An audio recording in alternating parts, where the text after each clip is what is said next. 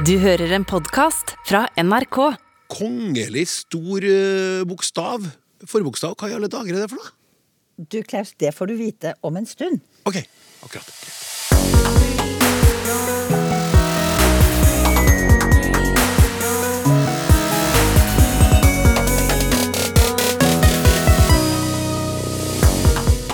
Kan man sette inn tiltak mot overforbruket av ordet tiltak? Er det mulig å få lagt eh, legge-ligge-debatten død en gang for alle? Når skal kongelig stor bokstav egentlig brukes? Og hvor kommer kosegrisen fra? Det er klart for Lytterspørsmål spesial! Språksnakk med Klaus Sonstad. Du hører på Språksnakk, som i dag altså skal foreta det månedlige dypdykket ned i vår velfylte e-postkasse. Adressen er snakk.krøllalfa.nrk.no.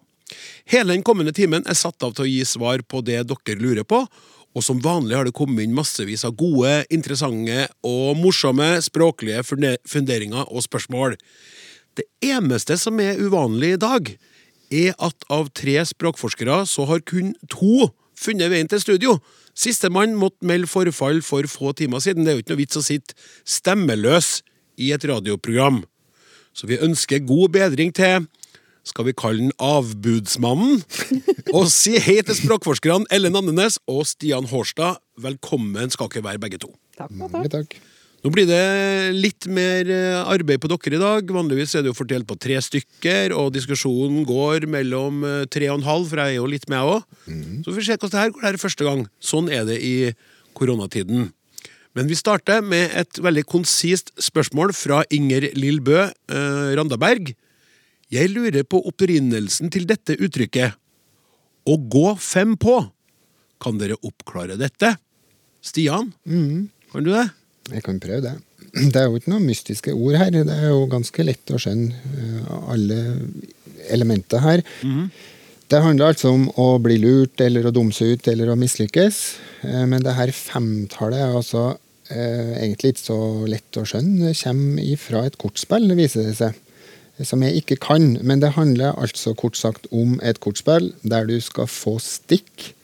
Hvis du melder et antall stikk og ikke treffer, så får du da straffepoeng, og det var da fem. Og det her kortspillet finnes i mange navn. Rødskjegg, rødskjegg, rev. Fem i pålegg, fem opp. Det finnes i mange varianter, men jeg, jeg kan det altså ikke. Men det her er altså straffepoeng. Det er å dumme seg ut i det her kortspillet. Da får du fem poeng. Da går du fem på. For her skal du komme deg ned til null. Det er det som er poenget. Ja. Sånn at eh, det er nok eh, 1900-tallsfenomen. Det begynner å komme i bruk i aviser og skjønnlitteratur på 40- og 50-tall. Så det er ikke så eldgammelt, men det er tydeligvis da et kortspill som var mer kjent da enn nå. Og så er det da den her lille resten, å gå fem på, som har overlevd. ja. Det er sikkert noen som spiller kortspillet fortsatt, altså, men det er i hvert fall ukjent for Jeg meg. har ikke spilt det. Ellen, kjenner du det spillet? Nei. Nei? Men du kjenner er- uttrykket, ikke sant? Du har... Uttrykket, ja. Ja. Men det er ganske mange sånne uttrykk som kommer fra kortspill, som altså 101 ute, for eksempel. Nå er 101 ute. Det har òg bakgrunn i et kortspill. Å gå hus forbi, det er òg et sånn kortspilluttrykk som kanskje har overlevd selve spillet, da. Eller det, er Hus forbi, ja. Ja, det er noe Ja. der i, i en sånn et eller annet poeng i det her spillet, da, så blir det et sånn stivna uttrykk, for du skjønner jo innad i spillet hva det handler om, og så blir det et sånn fast uttrykk. Eh, gå beit, for eksempel òg. Det er et sånn kortspilluttrykk som ja, ikke er så gjennomsiktig, og som eh, går fem på, så er det jo egentlig ganske enkelt å skjønne akkurat ord for ord. Men det er noe sånn mystisk bakgrunn. Men nå har vi prøvd å sette det i sammenheng med opphavet. Ja, Så har du også pokerta. Ja, jeg måtte bare jeg måtte, det- der, så det, det er på det nivå, nivået eh, her jeg kan bidra da, eh, til dere språkforskerne og dere lytterne. Beklager så mye. Men det slår meg før vi forlater å gå fem på, for jeg liker det også som uttrykk. Jeg kjenner det. Er det sånn at pga. at det her kortspillet sannsynligvis spilles av langt færre enn før, at det uttrykket vil kunne bli et sånt eh, uttrykk som vi kan, og så yngre generasjoner kan ikke så godt, og så om noen år så er det nesten borte, og så kommer det et spørsmål til et fremtidig språkprogram, kanskje språksnakk om 15 år. Jeg hørte min bestemor si et merkelig uttrykk i går. Det er godt mulig, det. Og det Men det har vel allerede gått eh, langt på vei sånn, fordi at Ja. uttrykket har blitt ja, Jeg skal ikke si at det er hyppig, men det antar jeg blir brukt mer enn faktisk kortspillet. Sånn at eh, det henger ikke sammen med den eh, ja, opphavet. Det er jo litt som å, å få svarteper. Hvis en, Ja. du satt igjen med svarteper, det har òg en sånn kortspillbakgrunn. Og da tror jeg kanskje at å spille svarteper er faktisk mer i bruk. Altså det finnes flere, det er flere som, som driver med det, og da har det koblinga til den opphavlige ja, spillbakgrunnen jeg klarer. Her så vil jeg anta at selve spillet er glemt av mange, og så Ja. blir det en slags sånn rest. Altså, Jeg vil bare skyte inn her at hvis man går og lurer på om et ord eller et uttrykk er på vei ut, så har vi en veldig kul kilde, og det er ei bok som heter 'Utrydningstruete ord'. Ja. Ja. Ja, det er et bra tips. Jeg føler meg litt utrydningstruet selv når jeg leser den, for jeg er jo helt lommekjent med alle orda. Ja, sånn, ja. Og så kan man jo kanskje også da kaste, kaste ut de uttrykkene her i lystige lag og sjekke om noen res responderer. Og hvis du nå, kjære lytter, ønsker å gå fem på, så må du gjøre det nå, for snart er det for sent. Da er ikke uttrykket i bruk lenger. Og nå skal vi over til eh, deg, Ellen, som skal få svar på et eh, artig spørsmål her som kommer fra mammaen til en ekte sådan. Hei og takk for et interessant program. Jeg undres over bakgrunnen for ordet kosegris, som jeg bruker mange ganger daglig. Både fordi jeg synes det er et artig ord, og fordi hunden min er en ekte kosegris. Med det mener jeg at han elsker kos, sørger for å få det av alt og alle, og er imponerende god til å kose seg. Men hva er egentlig, egentlig bakgrunnen for dette ordet? Er det fordi bøndene hadde grisene som kjæledyr, eller fordi man mente at det så ut som grisene koste seg i bingen, eller at man ligner på en gris når man koser seg i sofaen? Er det et særnorsk ord? Køddelpigg har liksom ikke samme schwungen. Hilsen mammaen til en ekte kosegris. Nøff, nøff, og vær så god. Takk skal du ha. Jeg ble så glad for det spørsmålet. For det sendte meg ut på en egen liten kunnskapsjakt, og jeg tenkte hm, hva vet jeg nå egentlig om grisehold sånn opp igjennom? Altså før det ble en kjempeindustri, som det er nå, ikke sant? Eh, hvordan har vårt forhold til grisen vært, egentlig? Og litt kunnskap om den førindustrielle grisen kan belyse både kosegris, kjælegris, og sånne nedsettende ord som griseri, grisete og din gris. For ikke å si grisegutt. Ehm, det er jo nemlig noe veldig interessant med gris, da. Vi bruker det både nedsettende om bestemte ting vi misliker, griseri, og motsatt om det vi liker. Som i kosegris og kjælegris. Og grisedeilig. Ja, og jeg har en drakt som jeg en gang fikk betegnet som griselekker, f.eks. Mm. Og noe kan være svinedyrt eller svinegodt. Ja, i det hele tatt. Så jeg har sett meg rundt da, etter litt historisk stoff om både griser og griseri. Og da fant jeg en forfatter som jeg syns sa det veldig godt, da. Som skrev at knapt noe dyr på kloden har etterlatt seg et slikt vell av ord og uttrykk som grisen. Og paradoksalt nok er de fleste kontroversielle. På den ene siden fins en flom av respekt. Det må være det griselekre, da. Eh, og på den andre siden det motsatte. Grisen figurerer så vel i kunst som på adelige våpenmerker, og det hadde jeg ikke tenkt på. Men den norske adelsslekta Galtung fra Hardanger Galtung. Ja, de har en galte! Altså, det er et hannvillsvin, da.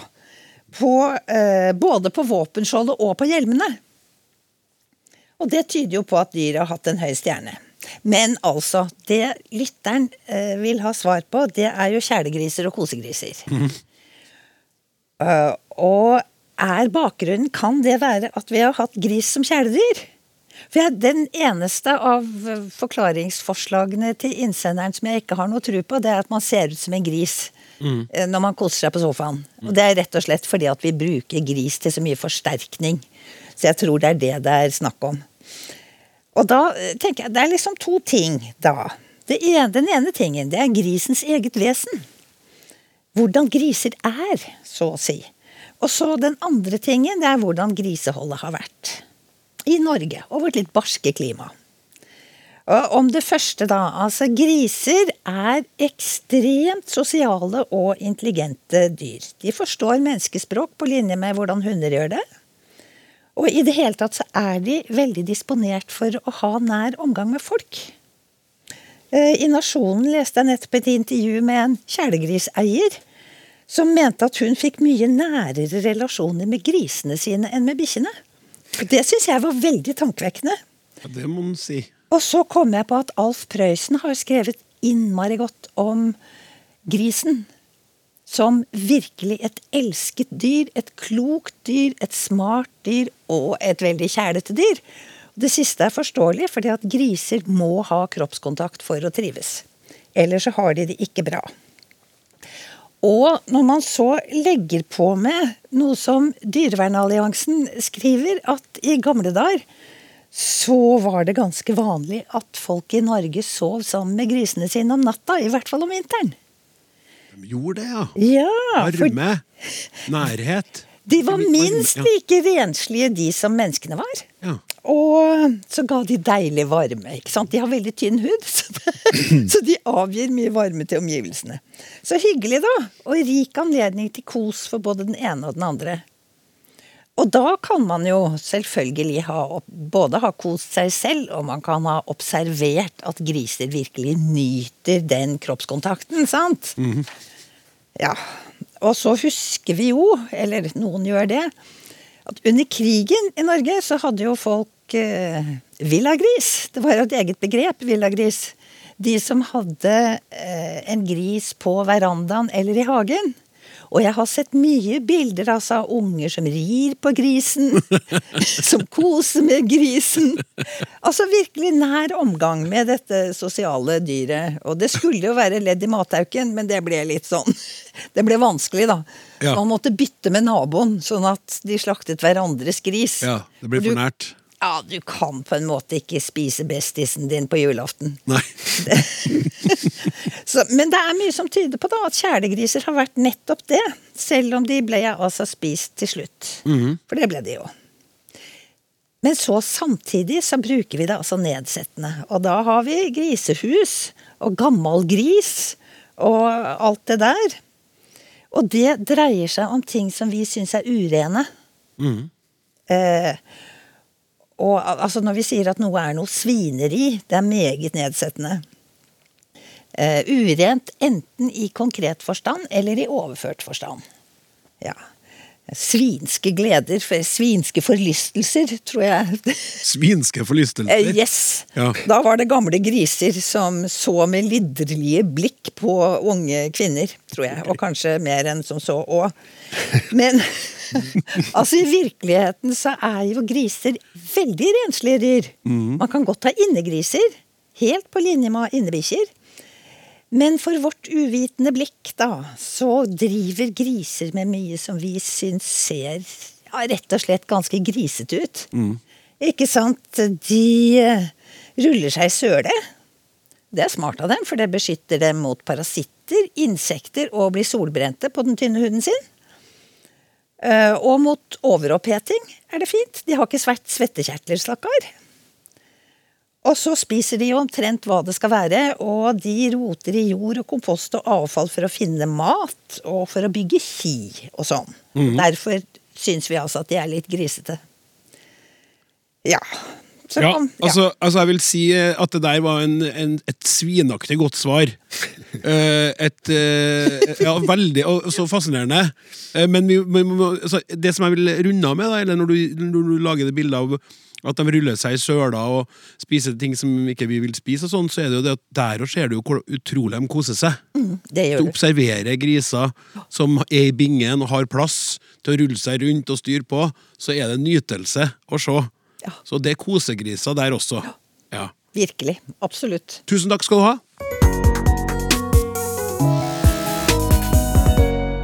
Du hører på Språksnakk, lytterspørsmål spesial, og nå skal vi bevege oss fra kosegrisene og over på kongeleg stor bokstav. Og så vises det til en artikkel her som vedkommende har sendt med, som handler om kongen og hans forkjølelsessymptomer nylig. Så skriver Odd Mølster I denne artikkelen var det etter min mening for mange ord med stor forbokstav. Kan dere opplyse oss om eh, god bruk av stor forbokstav, særlig ved omtale av de kongelige? Eh, Jeg gidder ikke å lese opp så mye av artikkelen, men det er veldig sånn Det er mye, det er mye stor K rundt omkring i saken. Og så virker det også å være litt sånn inkonsekvent bruk av det. Men eh, det interessante er jo hvordan skal vi gjøre det, hvis vi skal gjøre det riktig? Stian, Jeg skal hjelp oss! prøve en kortversjon. Jeg er enig i at det var litt vel raust med stor bokstav. og Generelt så kan jo norsk si at norsk er ganske gjerrig på stor bokstav. Stor forbokstav. Mm -hmm. Sammenligna med engelsk og tysk, som er atskillig mer rundhåndet. Og bruker det jo etter eh, punktum eh, og i navn. Men ellers så er det sånn eh, generelt bruk liten bokstav. Eh, Dermed så vil jo si at stor bokstav blir nokså sånn symboltungt. da. Hvis det er noe som har lov til å bruke stor bokstav, så får det en spesiell betydning for oss. Og det har jo naturligvis da med mange ja, firmanavn skal ha stor bokstav og sånt. Og så er det det her med, med kongelige som da har en spesiell posisjon, og som da eh, skal behandles på en annen måte, vil mange si, og det gjelder i språket òg. Så det, det fins noen grunner til å, å skille ut eh, ja, omtale av kongelige med stor bokstav. Men generelt liten forbokstav. Det gjelder for alt sammen. Sånn at hvis du skriver om at eh, på åpninga var majesteten til stede, f.eks. Liten M. På åpninga var kongen til stede. Fortsatt liten K. Ja, For da er det den generelle omtalen av den her, kongen. Denne kongen. Ja. Da går det jo sannsynligvis fram da i resten av teksten at hvilken konge det var, for det finnes jo opptil flere, og dem er jo heller ikke den samme personen gjennom alle tider, naturligvis. Sånn at, eh, Men hvis du skriver da historia om dronning Maud, f.eks., så er det fortsatt liten D i den dronninga. Gratulasjoner fra prinsesse Astrid, liten P. Men stor A, naturligvis, i Astrid. Ja. Det er jo et, eh, et normalt navn. Der det er stor bokstav uten tvil, er når det skal handle om kongen som institusjon. Da er det altså ikke den personen som heter Harald nå, og som heter Olav og, og sånn historisk, men det er kongen som institusjon.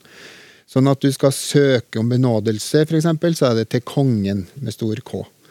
Eh, kongen i statsråd, hvis det er noe som skal bestemmes det, så er det da den institusjonen, kongen. Eh, som da henger jo sammen med en person i kjøtt og blod, men der altså er det da i prinsippet et skille. Så den institusjonen er altså med stor K. Dette blir avgjort av kongen i statsråd. Da er det stor K. For da er det mindre relevant om det er da den ene eller andre, men det er da rollen, den samfunnsrollen, som er poenget her, og da koster han på seg stor bokstav. Sånn er det for så vidt òg med en del andre sånne i, i Norge, med Riksmekleren f.eks. Den skal ha stor R, hvis det er da embet- embete, institusjonen, men den her riksmekleren som har det her og her navnet, da er det liten R. Samme med barneombud og med riksadvokat. Det er mange sånne eksempel. Eh, Men så er det da, kanskje ikke så ofte, men hvis en har behov for det, å skrive brev da, til en kongelig. For det er jo i skrift det her kommer frem. Da skal han da ha stor bokstav i en del tiltaleformer i skrift. Sånn at Deres Majestet, for eksempel, skal ha stor bokstav på både D og M. Deres Majestet. Hans Majestet Kongen skal ha stor bokstav over hele linja.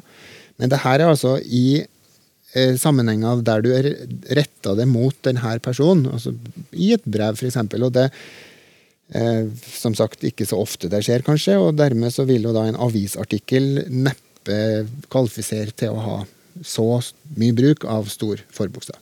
Så jeg er enig med denne lytteren at det var vel mye store bokstav her. Det går stort sett på norsk bra med liten forbokstav, sjøl om det handler om kongelig. Veldig oppklarende det du sier, samtidig så er det fortsatt litt sånn tunga rett i munnen hvis man Ja. skal uttrykke seg skriftlig og ikke gjøre feil, da. Det er det, og det gjelder jo dem her spesielt som er sånn eh, både institusjon eller Ja, nettopp. eh, eksempel, hvor mange er det som jobber hos Barneombudet? Skal du ha stor B eller liten B da? Sannsynligvis stor B, for da, da er det da den, eh, den organisasjonen. Men det er absolutt noen sånne grensetilfeller her. Ja. Ja, så er det jo det at eh, Så veldig mye av det kongen gjør, det gjør han jo på en måte som institusjon. Ja. ja. Når Ja. Rett og slett Når han besøker folket sitt for eksempel, og hilser på dem, så gjør han det jo som institusjon. Så har han stor eller liten K når han eh, vinker på 17. mai. Da tror jeg nok jeg ville hatt liten K, Ja. kong Harald. ja. Jeg tror også det. Men Ja. da kommer du inn hvis du skal ha eh, Hans Majestet eh, Hvis du skal ha hele den tiltaleforma, så er det jo kanskje på sin plass med stor. Ja.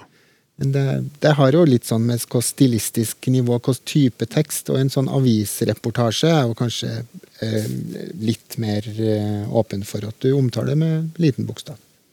Det vi kan være enige om, eh, alle tre, håper jeg, det er at eh, Harald er helt konge. Ja. Oh yes. Ja. Bra, da går vi videre. Og eh, nå hopper vi fint her i temaet, altså. Fra kosegriser til eh, kongelig stor eh, forbokstav, og nå skal vi over til tiltak. Ja. Ja. Kjære språksnakkere. Har dere tatt for dere ordet tiltak? Min tiltakstrøtthet handler snart like mye om det overforbrukte ordet som handlingene det skal beskrive. Tiltak er lik å ta seg til noe, er lik gjøre noe, finne på et eller annet. Hvor kommer den byråkratiske regelen fra at det ikke er mulig å ta seg til noe som helst uten å kalle det tiltak? Er det noe med at det høres ut som at noen faktisk har gjort noe lurt når man sier at man vurderer å sette inn tiltak? Og hvor mange skjønner den gammeldanske språkhybriden tiltakshaver, den som haver noe å tage seg til? Her kan gjerne Språkspalten sette inn tiltak. Vennlig hilsen Audun Molde. Audun, du er blitt hørt. Ellen, vær så god. Altså, ja. Jeg har nå tenkt så mye på tiltak. Og jeg tror jeg starter med tiltakshaveren. For det er jo ganske riktig litt forbløffende. Og jeg fant et veldig fint sitat, da. Altså, hør nå alle rundt omkring. Tiltakshaver har i utgangspunktet fullt ansvar for oppfyllelse av alle relevante krav for sitt prosjekt. I de fleste byggeprosjekter er det krav om bruk av ansvarlige foretak. Ta den og male den grønn. Altså, dette er, dette er rett og slett plan- og bygningsloven. Ja. Ifølge Store norske leksikon så tilsvarer, eh, så tilsvarer tiltakshaver det som vi andre kaller byggherre. Ja. Og problemet er selvsagt at eh, siden, siden det er loven som sier tiltakshaver, så er det ikke bare bare å endre ordbruk. Ikke før loven blir nyskrevet og klarspråket. Men det er det jo godt håp om, da. Siden jurister nå jobber hardt og mye for å gjennomføre den fine nye språklova vår. Men altså Tiltak. Eh, man kan si meget om det. Og altså, det betyr jo noe, kanskje noe litt annet og mer enn det som innsenderen eh, skriver om. Eh, For han definerer litt smalt som å ta seg til noe, gjøre noe eller finne på et eller annet. Og det er litt eh, skarpere betydninger òg. Litt mer spesialisert. Hvis man ser i Den norske akademis ordbok, så har de fire betydninger. Og det er det første som jeg tror han er lei av. Eh, og det er et foretakende med, med en bestemt hensikt. Ja. Og det er mer forpliktende enn det å bare drive med noe, ikke sant? Den andre betydningen er en lite lystbetont handling som krever mye krefter. Arne Garborg, for eksempel, han skrev i 'Trette menn' i 1891, så skrev han 'skyte seg'. Det er sånt et tiltak. Og så har vi betydning tre, som er handlekraft eller foretaksomhet. Driftighet. Og det kjenner vi jo. Og så som fire, som ikke er så mye i bruk, at man gjør noe på eget initiativ. initiativ. Men altså, eh, den første betydningen da er den som jeg skal si noe mer om, som Audun er så lei av. Nytt er det ikke, bare så det skal være sagt. Eh, Bjørnson brukte det. I den betydningen som Audun misliker. Her er for meget som begynnes, for mange tiltak som forkynnes, skrev han. Og det gir jo en anelse. Men samtidig så er det klart eh, at det er noe med denne oppblomstringen av bestemte ord som brukes overalt i byråkratiske sammenhenger, og som gjør at vi som vanlige menige språkbrukere kan bli litt sånn fremmedgjort, rett og slett. Altså en sånn ting som at der vi før hadde skoler med rektorer og sånn, og, og sykehjem med sykehjemsledere, så har vi jo nå bare enheter med enhetsledere. Og det er Det syns jeg er litt ubehagelig, på en måte. Men så skjønner jeg jo det, at det gjør det veldig mye enklere å snakke i generelle vendinger. Eksempel så er det sånn at alle enhetsledere har en del plikter til felles, og sikkert også en del rettigheter. Men så tenkte jeg litt mer, altså. Og så begynte jeg å tenke hvorfor For jeg, det er et triks jeg ofte bruker. Det er sånn hva, hva, hva tjener de på det? Og da er det jo noe med Da venter jeg meg til Nav, for det Nav har ustyrtelig mange tiltak av forskjellige slag. Og da er det sånn Altså, de har mange tiltak som skal hjelpe folk å komme i arbeid eller å holde på jobben sin. Og hvert tiltak, det, det kan være arbeidsretta tiltak eller avklaringstiltak eller ja, sånn og sånn. Og hvert tiltak, det er på en måte en hel gruppe aktiviteter, men retta mot ett bestemt mål. Altså det er ett mål for hvert tiltak.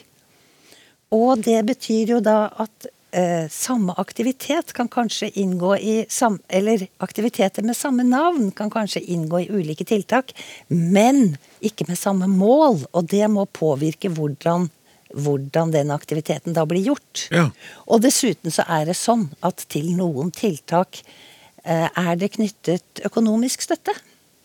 Tiltakspenger, heter det. Tiltakspenger. Ja, Hvis du går på tiltak av bestemte slag, så kan du få tiltakspenger.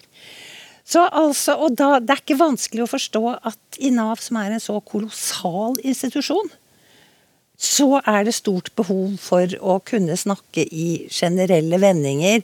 Og plutselig så syns jeg ja, men dette gir jo veldig god mening, da. Ja. Ja. Så egentlig så har du snudd litt underveis i, i arbeidet med å svare på spørsmål om tiltak. Jeg har det, og jeg mener, kan det bli bedre enn det? Det er kjempefint. Vi det gjenstår å, å hør hva Audun eh, syns om svaret, men jeg Ja. mener at du skal uansett ha for det, den innsatsen du har lagt ned. Takk. Ja, takk sjøl. men, men ikke gå noen plass, Ellen. Det er flere spørsmål du skal svare på. Vi hopper videre til eh, Bergen. Hei, Klaus. Takk for en kjempegøy podkast som jeg gleder meg til hver uke. Jeg har et spørsmål jeg håper dere kan svare på. Jeg er fra Bergen og har opplevd at noen herfra blander verbene legge og ligge. Et eksempel jeg har hørt flere ganger, er at ligget byttes ut med lagt. For eksempel Jeg har lagt i sengen i hele dag, eller Jeg har lagt i sengen i hele dag. Når jeg har konfrontert folk med dette, svarer de meg at det er dialekt, men jeg mener det åpenbart ikke er dialekt. Flertallet kan forskjellen, jeg kunne aldri funnet på å si det. Håper dere kan hjelpe meg å oppklare denne irriterende forvekslingen og eller latskapen. Hilsen Julie. Julie, tusen takk. Du er jo da en del av det. Nå har du stukket hånda inn i et, eh, et vepsebol. Skal vi se om Stian kan hjelpe deg i det hele tatt. Ja. Stian. Jeg vet ikke om det er latskap eller Det, det er et kjent fenomen for, eh, fra Bergen. Altså. Det har lang historie der. Og det er også snakk om to ganske like verb, eh, som altså det er bare en vokal i forskjell, som da blir forveksla eller blir brukt på motsatt plass av det mange norske språkbrukere ville oppfatta som normalmønstre. Så Sånn sett så er det her et, et eh, verbpar, det altså et parverb, som ligner på mye andre parverb som språksnakka snakka om tidligere. Eh, brenne, eksempel, som da fins både i sterk og svak form, og som har forskjellige eh, betydninger og bruksmuligheter, og som òg blir forveksla av folk, så det er jo ikke første gangen det skjer. Men akkurat det her ligge-legge-floken, den er nok ganske bergensspesifikk, eh, sånn, hvis en ser på det som er kartlagt, i hvert fall. Sånn at eh, eh, Amund B. Larsen, en eh, dialektolog som er en storhet i norsk språkforskning, sammen med Gerhard Stoltz, utforska bergensmål tidlig på 1900-tallet, og han skriver om det her. Og han skriver rett og slett at ligge og sitte brukes aldeles overveiende også i betydningen legge og sette. Altså Det er et verb til her. Sitte og sette er òg denne floka det blir stokka eller bytta om på. da, eh, noterer dem. Nå sier de altså aldeles overveiende, og det høres så fryktelig gjennomført ut, og det tror jeg nok jeg òg tar hardt i. Eh, Men folk har merka seg at noen har gjort det, så det har nok vært del av bergensmål til en viss grad, i hvert fall i lange tider. Sjøl om Bergen er jo en stor by, stort språksamfunn, så det er helt sikkert sånn som denne lytteren sier, ikke alle som uh, gjør det sånn. Men det har eksistert som et bergensfenomen i ja, sikkert uh, 100-200 år. Og så er det såpass i strid med da, det som folk oppfatter som den normale bruken av de verbene, at en har merka seg det kanskje mer enn det egentlig at, at det blir brukt så mye. Det, det stikker seg så ut at en dermed så fanger en opp det mye lettere. Skjær i ørene når det ja. kommer, og derfor så setter det seg. Akkurat, så da blir det sånn 'jeg skal ligge i ovnen' og sånn, som da eh, blir jo ganske komisk sånn rent innholdsmessig. Mm. Når du skal legge i ovnen, som en bergenser da ville brukt det andre verbet. Og det, finnes, det går an å tenke seg mange sånne betydningskomikk, da, og dermed så har sånne vitser levd. Og jeg har gjort noen søk og funnet nettopp noen sånne bergenservitser som er bygd på den forvekslinga her, som er 100 år gammel. Så eh, en kan se på som en uh, kuriositet for Bergen som de kan være stolte av, eller en kan oppfatte som noe krøll som en må rydde opp. Det, det får en ta stilling til som en vil, men det har eksistert i lang tid.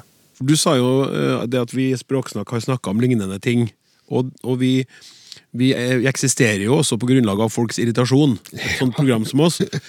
Men i tilfellet her så er det kanskje også det at det er voksne folk som sier det. De her feilene, for vi er jo vant til at yngre, barn og ung ungdom leter og, og, og sier feil, men når en voksen person mm. sier noe som for den andre høres så åpenbart galt ut, og så sier kanskje da det der kan du ikke si. Jo, jo, jo. jo.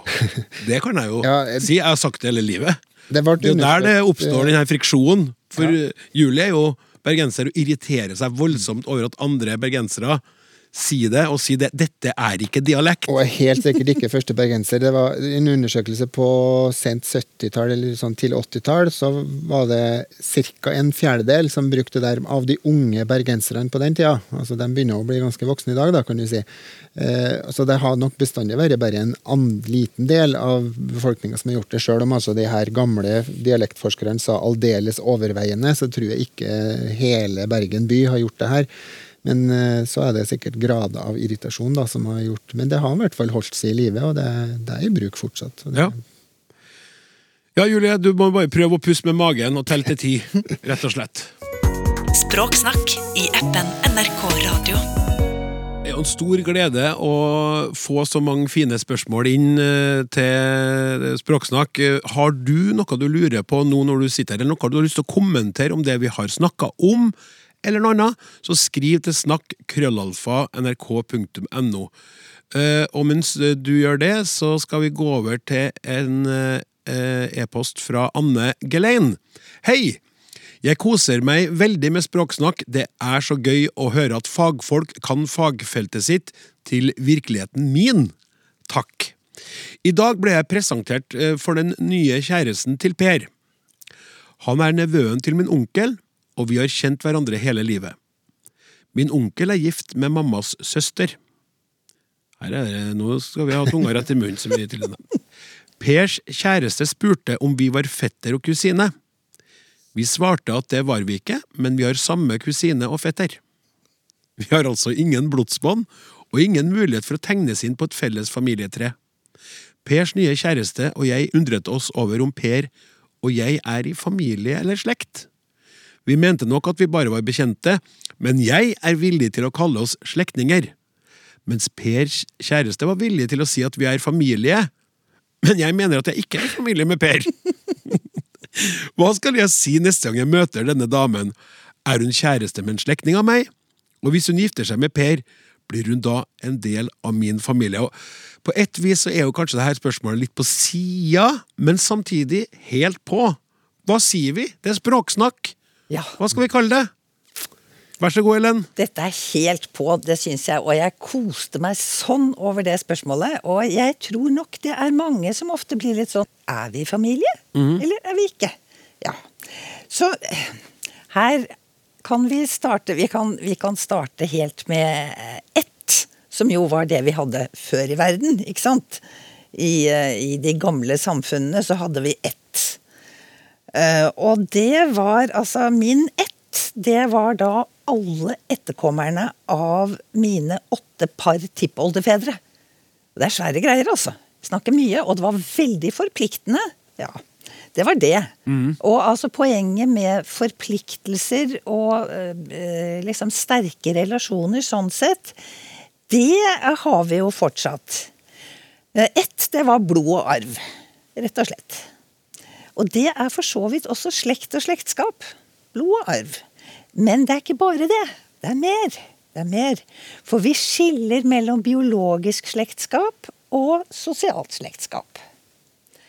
Biologisk så dreier det seg om arvestoffet DNA, som overføres fra generasjon til generasjon. Greit nok. Men sosialt slektskap, det blir bestemt av sosiale relasjoner. Og de mest grunnleggende er de mellom foreldre og barn, mellom søsken og mellom ektefeller eller tilsvarende parforhold, da. Ektefeller deler jo vitterlig ikke DNA. Og det gjør heller ikke alle medlemmene av en eh, familie eller slekt som har adoptivbarn, adoptivforeldre, som også tilhører samme slekt. Eh, og så, altså egentlig skulle vi nå kunnet tegne, fordi at så kommer vi til familie. Og hva er nå en familie? Ville du tegna et slags eh, stort eh, forklaringstre nå, eller, sånn, eller skissert ut? Hva, hva ville du ha tegna for Jeg oss? Tro, jeg tror jeg ville tegnet kanskje også brukt akvarellmaling. For det, og, og det kommer, det kommer mer her, altså. Ja. Mye mer. Ja. Ja, men Du må, du, må male bildene sånn folk får dem opp i hodet sitt nå. ja, for å vise altså hvordan Vi har ikke kommet dit ennå, skjønner du. Nei. For vi er ikke kommet til innenfra-perspektivet på familie. Nei. For det er der man trenger å kunne male og tegne. Eller selvfølgelig man kunne starte med klare sånne bokser, sånn som man ser på slektstrær f.eks. Og hun sier jo det, innsenderen. At eh, vi, har ikke, vi kunne ikke få tegnet oss inn på samme slektstre. Nei, kanskje ikke det. Men altså. Nå må vi først innom familie. Ok, Så skal vi snakke om perspektivene innenfra eller utenfra. greit. Ja. Eh, og familie, det er et ord som vi har med oss fra romerretten. Nå oppfatter vi vel familie som en eh, litt eh, mer avgrenset del av slekta. ikke sant? Kjernefamilie og sånn.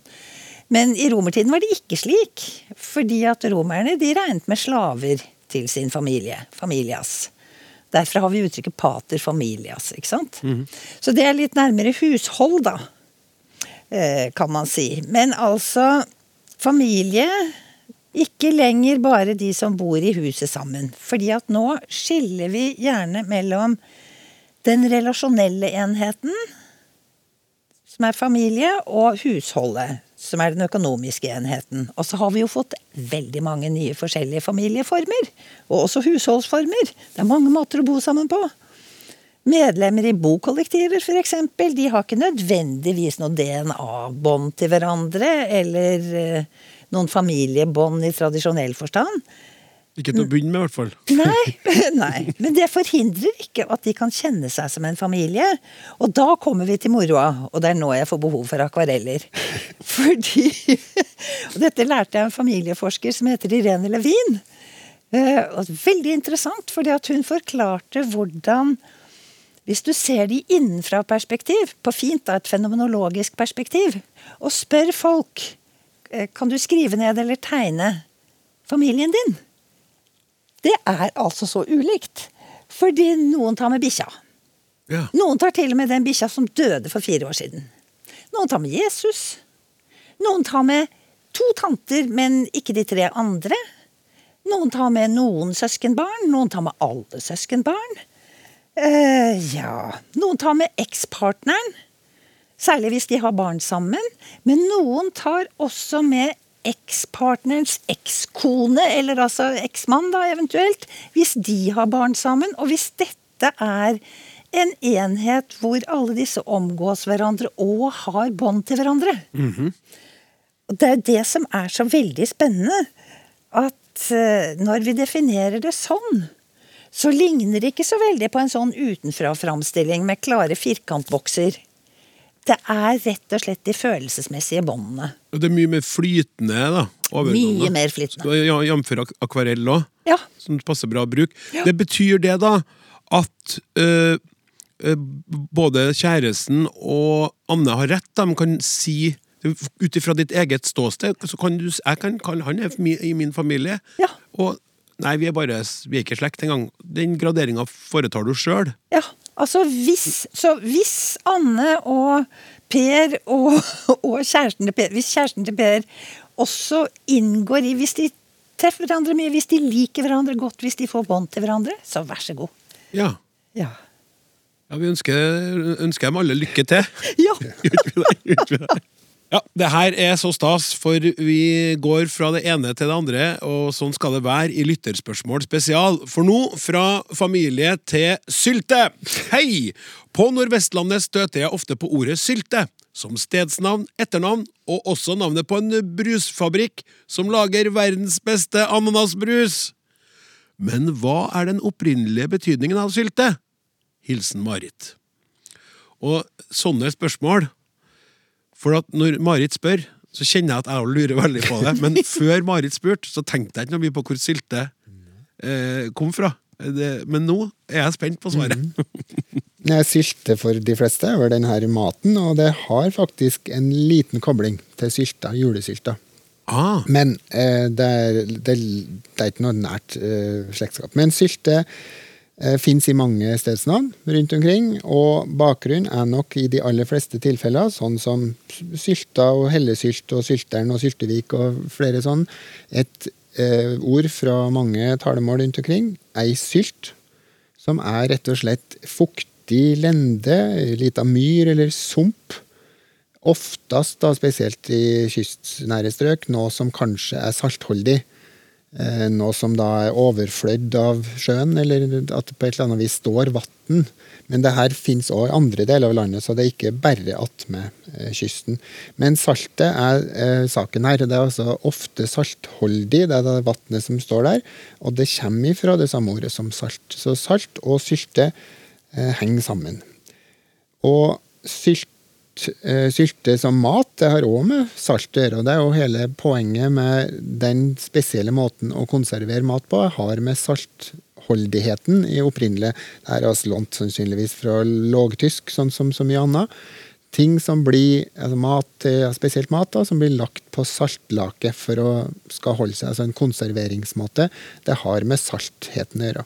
Så kan en si at det er en del ting som blir sylta som ikke bør ha mye salt, for da blir både plommer og bær ganske Da er det mer sukker. Så da kan du si at det er metoden som har blitt et eget ord, uten altså la saltet bli, for å si det sånn, ellers så blir syltetøyet ganske spesielt. Men bakgrunnen her er altså saltet.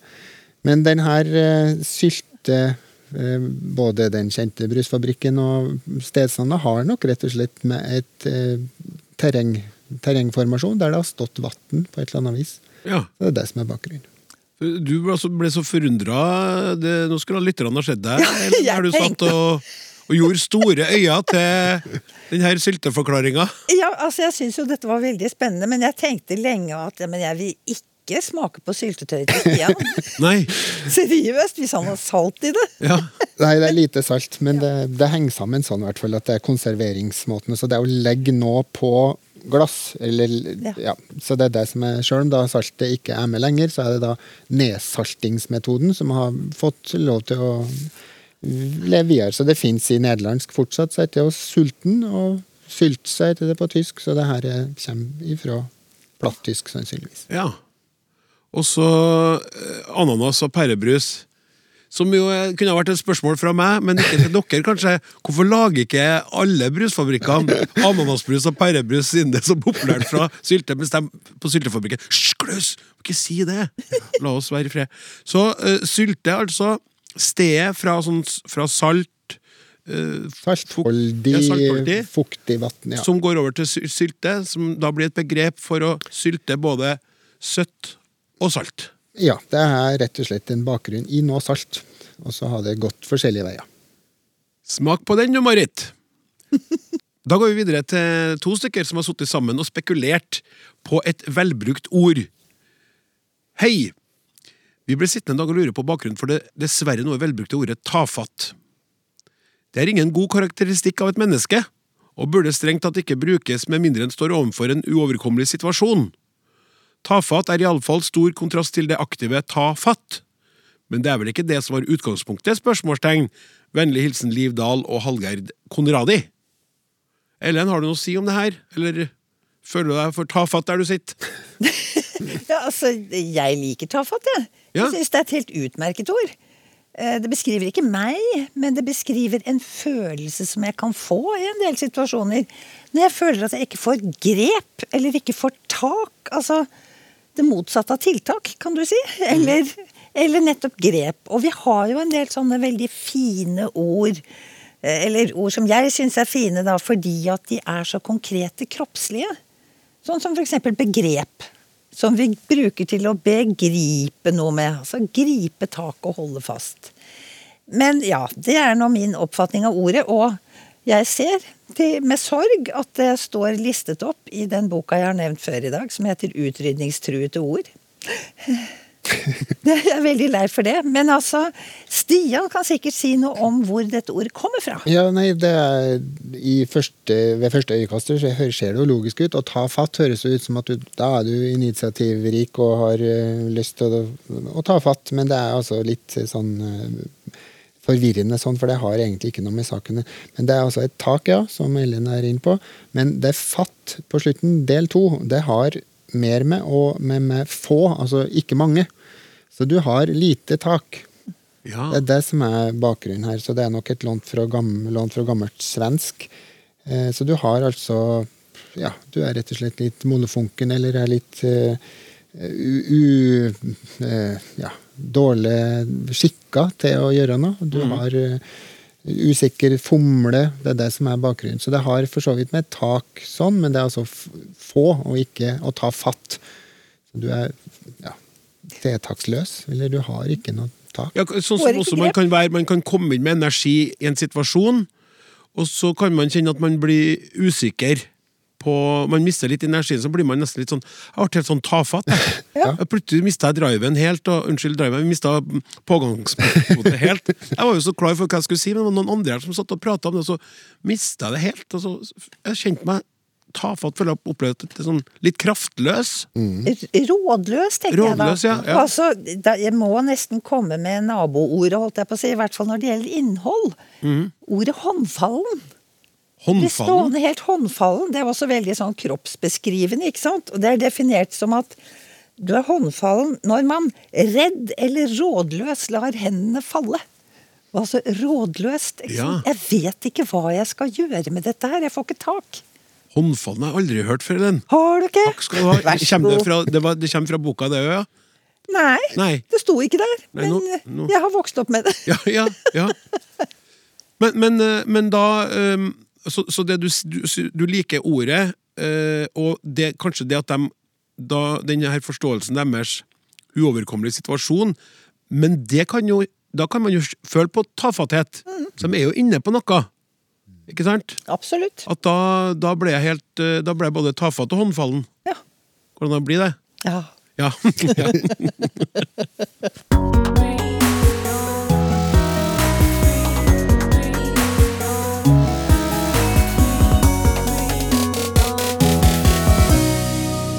Hei, språkfolk. Jeg undres over at mange skriver 'Vi sees' med to er. De ville jo ikke skrevet 'Vi snakkes' eller 'Vi møttes. Har den ekstra e-en livets rett, eller er det en eh, språkfeil? Vi høres, eller høres. Hilsen Jonas. Det, det, der eh, er et sånt type spørsmål som jeg er spent på, fordi jeg har sett at noen skriver det sånn 'vi ses', da. Med én e, og minst like mange med to. Jeg har aldri visst hva som har vært rett, egentlig, men jeg har gått for to sjøl. Og nå er jeg spent, da, Stian, på om du gir den andre gjengen rett, eller om du som språkforsker sier si, begge deler er jo greit. Ja, det er faktisk det, og det er ikke som språkforsker, men sånn som rettskrivinga er nå, Ja. så går begge deler med akkurat det verbet. Men eh, det har en bakgrunn, det her. Sånn Prinsippet her, når en skal danne en sånn S-form av et verb da, i bokmål, så er det et ganske enkelt system. Du bare tar presensforma, og så bytter du ut R-en med en S. Altså kaster blir til kastes. Snakker snakkes. Men så er det da eh, en, et lite knippe unntak. Det er enstava eh, ord, enstava infinitiva, som har hatt litt mer eh, skiftende tilværelse. Eh, det var få, gi, gå, ha, ta og se. Når de skulle få denne eh, S-tilhenget, henge, så var det lenge lov å bruke det både med bare S-en, men du kunne òg bruke ES. Altså fåes, gis, haes, taes og sees. Sånn var det gjennom mye av 1900-tallet, og så ble det da endra i 2005. Den rettskrivingsreforma som bokmål gikk gjennom da, så eh, ble det tatt bort, med unntak av det ene verbet å se. Sånn at nå så er det samme prinsipp. Du tar bort r-en og skifter den ut med s. Så det heter altså fås og gis og gås. Men akkurat det ene unntaket er altså å se. Der kan du skrive cs, og du kan skrive ses. Altså bare s-en eller en es på slutten. Ja, og det som jeg opplever som fint med det, i tillegg til at da har alle rett, Ja. så er det at noen sier 'vi ses', Ja. og noen sier 'vi ses'. Så da stemmer jo det skriftlige med det du faktisk hører. Og ofte så er det jo der dere sier 'jo, men nå snakker vi om skriftspråket, og her snakker vi om det muntlige'. Men her kan man høre det. Og hvis man følger det, da, så skriver man som man sier. Ja, det, og det, Hvis en skal spekulere litt på hva som var bakgrunnen for at det ble sånn, er jo fordi de aller fleste verb, eller infinitiv, er tostaver. Og hvis du setter på es, så blir det jo et tostava. Da blir det liksom to deler, sånn som de aller fleste verb har det. Så kanskje føltes det normalt, fordi alle verba her har jo hatt sin tostavelsesform. Hvis du ser på ha, var jo have på dansk, altså hvis den går tilbake til norsk skriving på 1800-tallet. Så det har jo en bakgrunn som tostaver, men en del av dem har mista sin tostavelse for lenge, lenge siden. Få, eksempel. Den har jo tatt tostaving på ja, gudene vet så lenge. Så det er en litt sånn eh, kunstig utligning for å få det til å bli likt den store gruppa verb. Og så utover på 1900-tallet så har jo da sikkert eh, det her blitt oppfatta som en ja, kanskje en raritet med den én som ikke ga mening. Men det har fått stå fra 2005 for det ene verbet, å se. Da Ja. kan du altså både ha ses og sees. Vi har tid til et bitte lite spørsmål til. Hei på dere! Kan dere si noe om bruken av sin kontra hans, hennes? Jeg får ikke taket på det der. Her er to eksempler fra nrk.no på formiddagen mandag 14.2.22. Og det handler om, eh, om den russiske skøyteløperen på 15 år. Og litt nedi artikkelen så står det CAS-panelet har bestemt å la Valjeva fortsette hennes deltakelse i OL i 2022. Her ville jeg skrevet sin deltakelse. Og så handler det om Martin Kolberg som gir seg, og litt nedi artikkelen står det Mange vil nok også huske Martin Kolberg for sin tale på Ap sitt landsmøte i 2005. Her ville jeg skrevet hans tale. Og dette var bare to eksempler. Jeg ser det hele tiden. Så det er tydelig at jeg trenger noen retningslinjer. Gleder meg til svaret. På forhånd takk. Mandagshilsen fra Karen Anna. Kjære Karen Anna. Du har eh, en Altså, jeg vil berømme denne innsenderen for hennes ydmyke holdning. Ja. For ikke sin. For hun sier at det er hun som trenger retningslinjer for at hun ikke helt får taket på det der. Men ut fra de eksemplene hun sender, så er det nok ikke hennes, ikke sin, tak det er noe i veien med. De journalistene hun siterer derimot, de kan tenke gjennom sin praksis på dette området.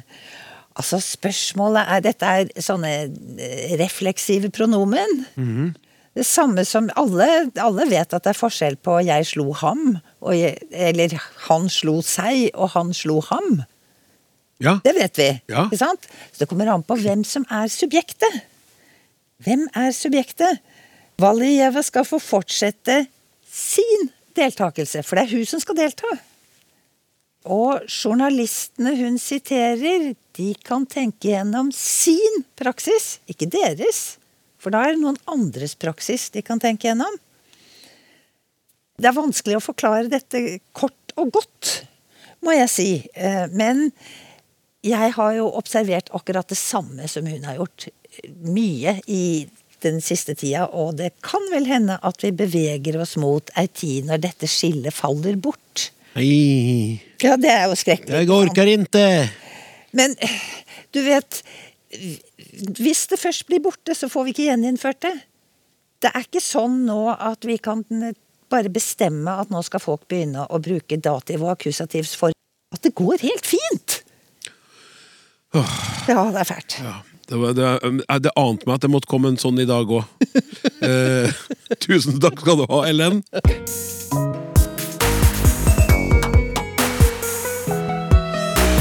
Språksnakk er slutt for i dag. Eh, takk til Ellen Amnes og Stian Hårstad for eh, innsatsen. Har du et spørsmål, send det til snakk krøllalfa.nrk.no. Martin Våge, Hilde Zahl og Klaus Sonstad takker for seg. Vi snakkes!